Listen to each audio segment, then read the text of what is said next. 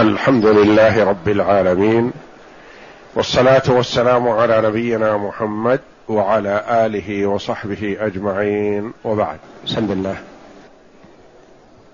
بسم الله الرحمن الرحيم. الحمد لله رب العالمين والصلاة والسلام على نبينا محمد وعلى آله وصحبه أجمعين. وقوله ربنا وسعت كل شيء رحمة وعلما. إلى آخره. من كلام الله عز وجل حكاية عن حملة العرش. وقوله, وقوله وكان بالمؤمنين رحيما. وقوله وكان بالمؤمنين رحيما. وقوله ورحمتي وسعت. وقوله ورحمتي وسعت كل شيء. وقوله كتب ربك بركة. المؤلف رحمه الله تعالى شيخ الإسلام ابن تيمية أورد هذه الآيات الثلاث مع ما قبلها من الآيات مع ما بعدها مما سيأتي إن شاء الله. أوردها رحمه الله استدلالا بها على إثبات صفة الرحمة لله جل وعلا على ما يليق بجلاله وعظمته.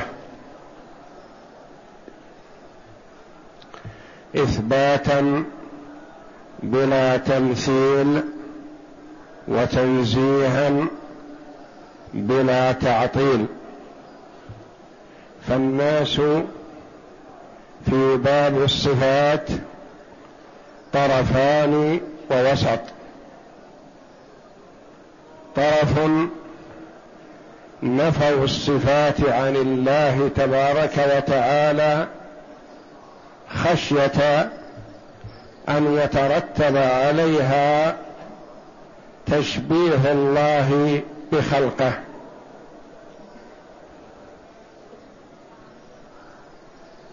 وطائفة أثبتت الصفات لله تبارك وتعالى وشبهوا صفات الباري جل وعلا بصفات خلقه. وهاتان الطائفتان ضالتان عن الصراط المستقيم. لأن الأولى نفت ما أثبته الله جل وعلا لنفسه ولا يليق بعاقل أن ينفي ما أثبته الله جل وعلا لنفسه. لأنه جل وعلا أعلم بذاته من خلقه. فأثبت لنفسه الصفة فيجب على الخلق أن يثبتوها لله جل وعلا كما أثبتها لنفسه. والطائفة الأخرى ظلت في تشبيه الله جل وعلا بخلقه. والله جل وعلا يقول في كتابه العزيز ليس كمثله شيء وهو السميع البصير. ليس كمثله شيء. وكون المرء يثبت الصفة لله جل وعلا ويشبهها بصفات المخلوقين هذا ضلال. والوسط هو الحق. بين هاتين الطائفتين. وهو قول أهل السنة والجماعة بإثبات صفات الباري جل وعلا على ما أثبتها لنفسه وأثبتها له رسوله صلى الله عليه وسلم إثباتا بلا تشبيه ولا تمثيل. ما نشبه كما شبهت الممثلة والمشبهة. ضلوا عن الصراط المستقيم. وننزه الله جل وعلا عن صفات المخلوقين تنزيها بلا تعطيل كما فعلت المعطلة. المعطلة نفوا الصفة ولا يليق بعاقل أن ينفي صفة أثبتها الله لنفسه. زعموا أنهم بهذا ينزهون الله عن مشابهته للخلق. وتنزيه الله جل وعلا حق وواجب. لكن لا يجرك هذا إلى الزيادة فتعطل تنفي الصفة. هم قالوا لو أثبتنا للزم منه مشابهة المخلوقين نقول لا. أثبت ما أثبته الله لنفسه ونزه الله جل وعلا عن مشابهة خلقه. فالمؤلف رحمه الله تعالى أورد هذه الآية الكريمة استدلالا على إثبات الله جل وعلا لنفسه صفة الرحمة. والمؤلف رحمه الله تعالى أتى ببعض الآية التي يظهر منها الاستدلال. والآية الكريمة بكاملها هي قول الله جل وعلا الذين يحملون العرش ومن حوله يسبحون بحمد ربهم ويؤمنون به ويستغفرون للذين آمنوا. ربنا وسعت كل شيء رحمة وعلما. فاغفر للذين تابوا واتبعوا سبيلك وقهم عذاب الجحيم. هذه الآية الكريمة بكاملها. هذه آية عظيمة وبشارة كبيرة من الله جل وعلا لعباده المؤمنين. أفضل الملائكة الذين هم حملة العرش ومن حوله يستغفرون للمؤمنين. يا سعادة من اتصف بهذه الصفة صفة الإيمان. ملائكة الرحمن الذين هم أخص الملائكة حملة العرش ومن حوله. يسبحون لمن؟ للمؤمنين. يسبحون الله ويستغفرون للمؤمنين. ويقولون ربنا وسعت كل شيء رحمة وعلما. فاغفر للذين تابوا واتبعوا سبيلك وقهم عذاب الجحيم. هذا من فضائل الإيمان. من وفقه الله جل وعلا للإيمان بالله بصفاته وأسمائه وألوهيته وربوبيته. وآمنوا بالملائكة والكتب والنبيين. يستغفر لهم الملائكة. تستغفر لهم. يتقربون إلى الله جل وعلا بالتسبيح والإيمان بالله ويسألون الله المغفرة للمؤمنين. استشعر.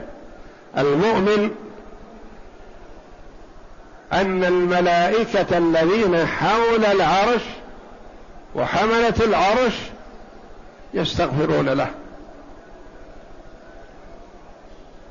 ويتوسلون إلى الله جل وعلا بهذا التوسل العظيم.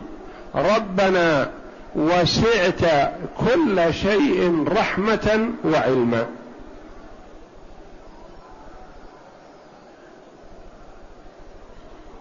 وسعت كل شيء رحمة وعلما. رحمة وعلما قالوا قال أهل اللغة تمييز محول من الفاعل. إيش معنى محول من الفاعل؟ أي أنه يصلح أن يأتي فاعل. في سياق الكلام. وسعت رحمتك كل شيء. وسع علمك كل شيء. محول من الفاعل. يتوسلون إلى الله بأن رحمته وعلمه وسعا كل شيء. حتى الكافر نعم حتى الكافر.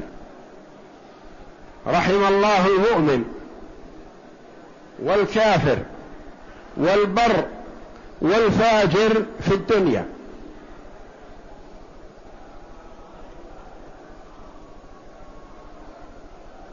رحمهم في الدنيا فأنعم عليهم. المؤمن والبر رحمه الله جل وعلا رحمة دينية ودنيوية وأخروية. والكافر رحمه الله جل وعلا في دنياه. أطعمه وسقاه وأصحه وأعطاه المال والولد وأنكحه وتفضل عليه بنعم عظيمة في الدنيا. يتقلب بنعمه بنعم الله ورحمته من يوم أن كان نطفة في بطن أمه إلى أن يموت وهو يتقلب في في نعمة الله ورحمته. لكن إلى هنا ينتهي. عند الموت ينتهي نصيبه من الرحمة ما له حق بعدها.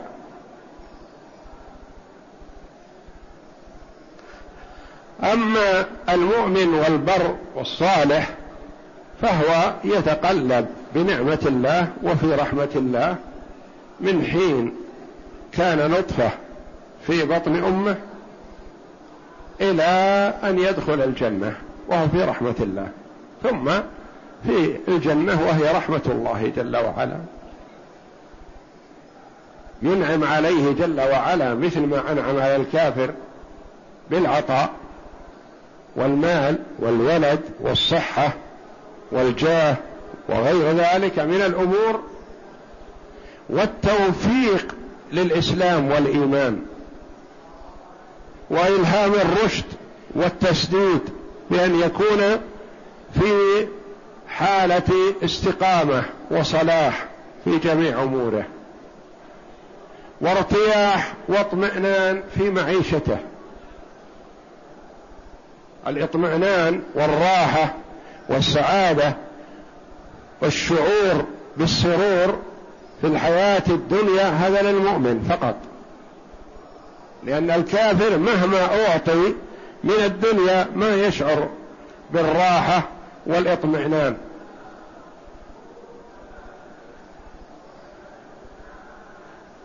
فالمؤمن مسرور بإيمانه واستقامته وإن أصيب بما أصيب به من المصائب.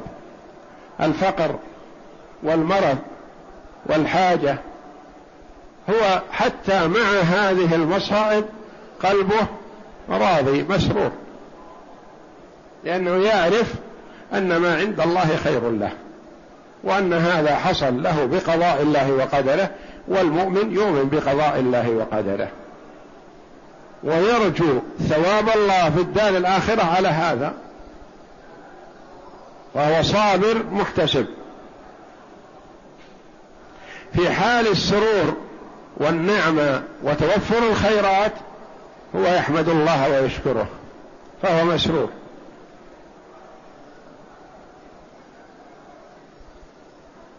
وعنده من الشكر والاستقامة على الحق ما يجعله مسرورا في نعمه الدنيوية وشاكر لله جل وعلا على هذه النعمة فيكون محتسبا بشكره لله جل وعلا واعترافه بأن هذه النعمة من الله لا بحوله ولا بقوته ولا بذكائه ولا بخبرته ولا بعلمه وإنما الله جل وعلا اعطاه ما أعطاه. فهو شاكر لله في حال السراء وصابر في حال الضراء. فالاطمئنان والسعادة في الدنيا للمؤمن. ومطمئن في نعمة الله مسرورا بها.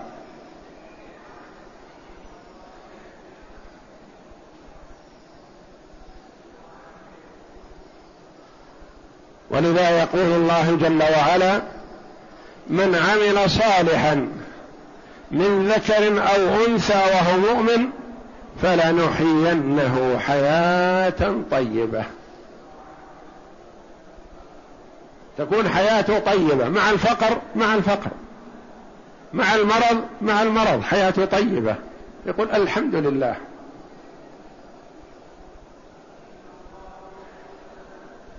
مع الصحة والعافية والسعادة والمال والولد. نعم هو معه في كل هذه الأحوال في حياة طيبة. لأنه إذا أعطي شكر فهو في حال طيبة وسرور. وإذا ابتلي صبر فهو في حال سرور. هذا المؤمن. الفاجر والكافر إذا أعطي بطر وتكبر وتعاظم وفسق واستعان بنعمة الله على مساخطه.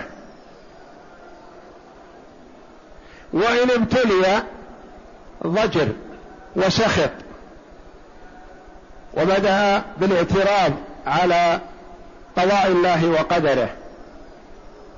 ويكون عنده من الجزع والخور الشيء الكثير. فهو في الحالين على سوء والعياذ بالله مع أنه يتقلب بنعمة الله وبرحمته. هو في رحمة الله بما أعطاه لكن مع هذا إذا أعطي بطر وتكبر وإذا حرم ضجر وتسخط.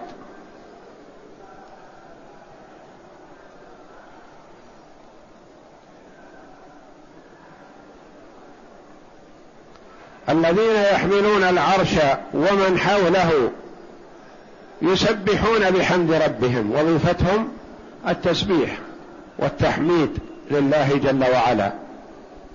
ويؤمنون به مؤمنون بالله. ويستغفرون للذين آمنوا. يستغفرون للمؤمنين في الأرض. ماذا يقولون؟ ربنا وسعت كل شيء رحمة وعلما. قرن الله جل وعلا بينهما فدل على أن رحمة الله وصلت في الدنيا إلى ما وصل إليه علم الله. وعلم الله جل وعلا وصل إلى كل شيء. ما يقال هذا شيء يخفى على الله؟ هذا اختفى في ظلمات البر أو في ظلمات البحر فالله لا يراه أو يخفى على الله تعالى الله. فعلم الله وصل إلى كل شيء. اذا رحمته كذلك وصلت إلى كل شيء. البر والفاجر والبهائم والحشرات والطيور والجن والإنس كلهم. في رحمة الله في الدنيا.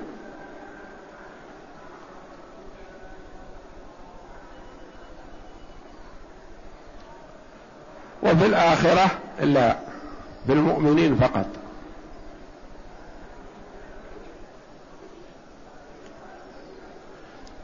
ويؤخذ من قول الملائكة عليهم الصلاة والسلام أن أنه يستحب للإنسان إذا أراد أن يدعو أن يتوسل إلى الله جل وعلا بأسمائه الحسنى وصفاته العلى المناسبة لما يطلب.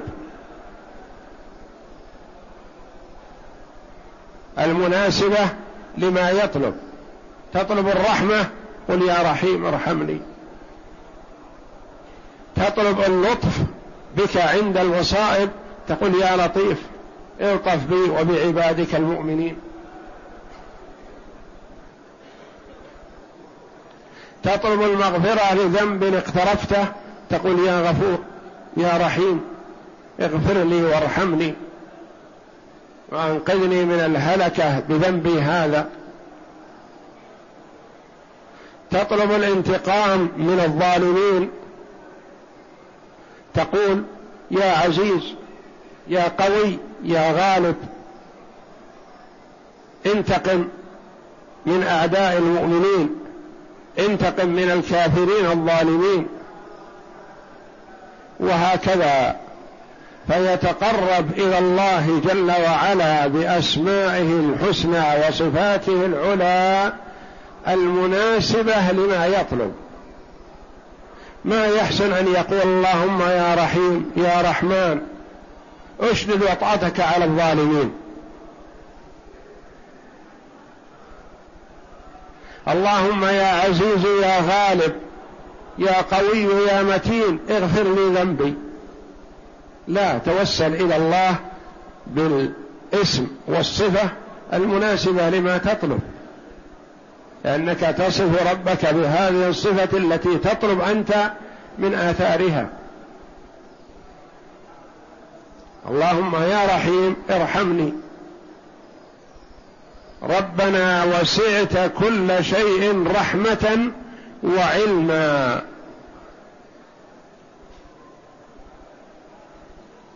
فاغفر. يعني وسعت رحمتك كل شيء. فاغفر للذين آمنوا واتبعوا سبيلك.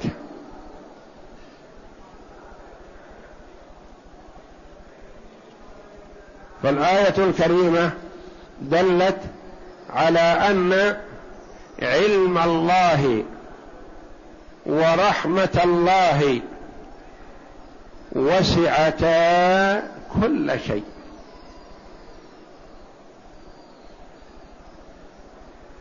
فبعلم الله جل وعلا اطلاع على جميع مخلوقاته ما يخفى عليه خافية. ولا يقال هذا شيء يخفى على الله أو لا يعلم عنه الله تعالى الله. فقد وسع علم الله كل شيء. وكذلك رحمة الله وسعت كل شيء.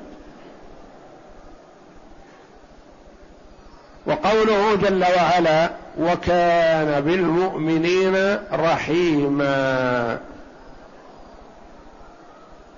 وكان بالمؤمنين رحيما. قد يقول قائل أليس بين هاتين الآتين شيء من التعارض؟ يقول أنا أفهم منهما عدم التوافق. بالآية الأولى يقول وسعت رحمتك كل شيء. وفي الآية الثانية يقول وكان بالمؤمنين رحيما. خصص الرحمة بالمؤمنين. نقول نعم ما بينهما تعارض ولا يوجد تعارض بين كلام الله جل وعلا بعضه مع بعض كما لا يوجد التعارض بين كلام الله وكلام رسوله صلى الله عليه وسلم. وإنما قد يظهر للإنسان لعدم إدراكه. أو إحاطته بعلم ذلك. يظهر كأن في شيء من التعارض أو الاختلاف لأنه ما أدرك. رحمة الله وسعت كل شيء حتى البر والفاجر. نعم. اذا لما قال وكان بالمؤمنين رحيما. نقول رحمة الله جل وعلا وآثارها متفاوتة. رحمة الله وآثارها متفاوتة. رحمته جل وعلا بكل شيء بأن هيأ له أسباب معاشه وأعطاه الصحة وأعطاه ما يحتاج إليه البر والفاجر والحيوان والوحوش والحشرات وكل شيء. هيأ له رزقه. وأعطاه رزقه في أي مكان كان. هذه من آثار رحمة الله جل وعلا. وهذه رحمة دنيوية يعني في الدنيا. رحمة الله جل وعلا بالمؤمنين هذه في الدنيا والآخرة. ورحمة الله بالمؤمنين في الدنيا لها طعم. ليست كرحمته للكفار في الدنيا. تختلف. رحمة الله للكفار في الدنيا أكل وشرب ونكاح ولباس مادة بهيمية فقط.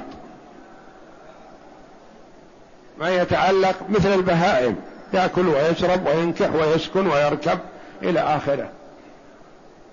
رحمة الله جل وعلا بالمؤمنين في الدنيا بما يلقي في قلوبهم من الإيمان والثقة بالله جل وعلا والإطمئنان والرضا والقناعة. تجد الفقير الذي لا يجد ما يأكل ويشرب مرتاح مطمئن. يسأل الله العفو والعافية ويستغفر ويتوب إلى الله ويعمل الصالحات. وقلبه مطمئن. راض بما قسم الله له. الكافر الذي لا يجد ما يأكل ولا يشرب يتسخط. وعنده يأس وقنوط. وعنده اعتراض على الله جل وعلا في تصرفاته. المؤمن يقول الحمد لله على السراء والضراء. فرحمة الله جل وعلا للمؤمن في الدنيا غير رحمة الله جل وعلا للكافر في الدنيا وكلهم في الدنيا. مع ما أعد الله جل وعلا للمؤمنين في الرحمة في الدار الآخرة هذه لا يشاركهم فيها الكافر والفاجر. ولهذا قال جل وعلا وكان بالمؤمنين رحيما.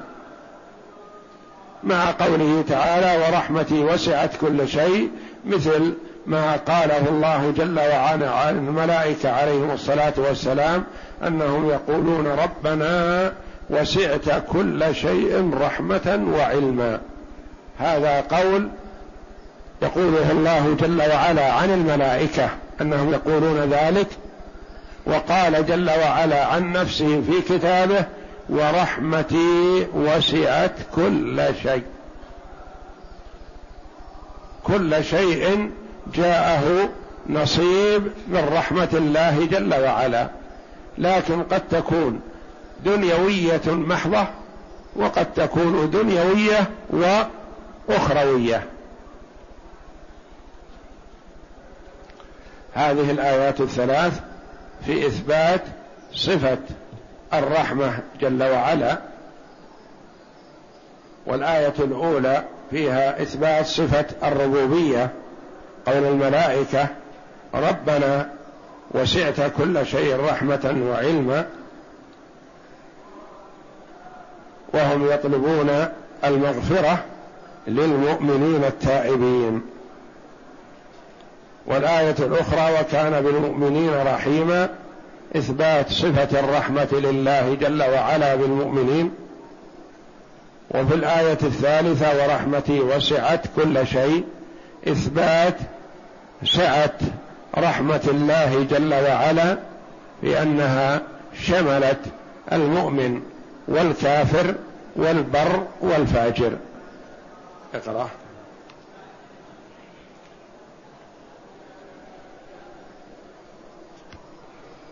وقوله ربنا وسعت إلى آخره من كلام الله عز وجل حكاية عن حملة العرش والذين حوله يتوسلون إلى الله عز وجل بربوبيته وسعة علمه ورحمته في دعائهم للمؤمنين وهو من أحسن التوسلات التي يرجى معها الإجابة.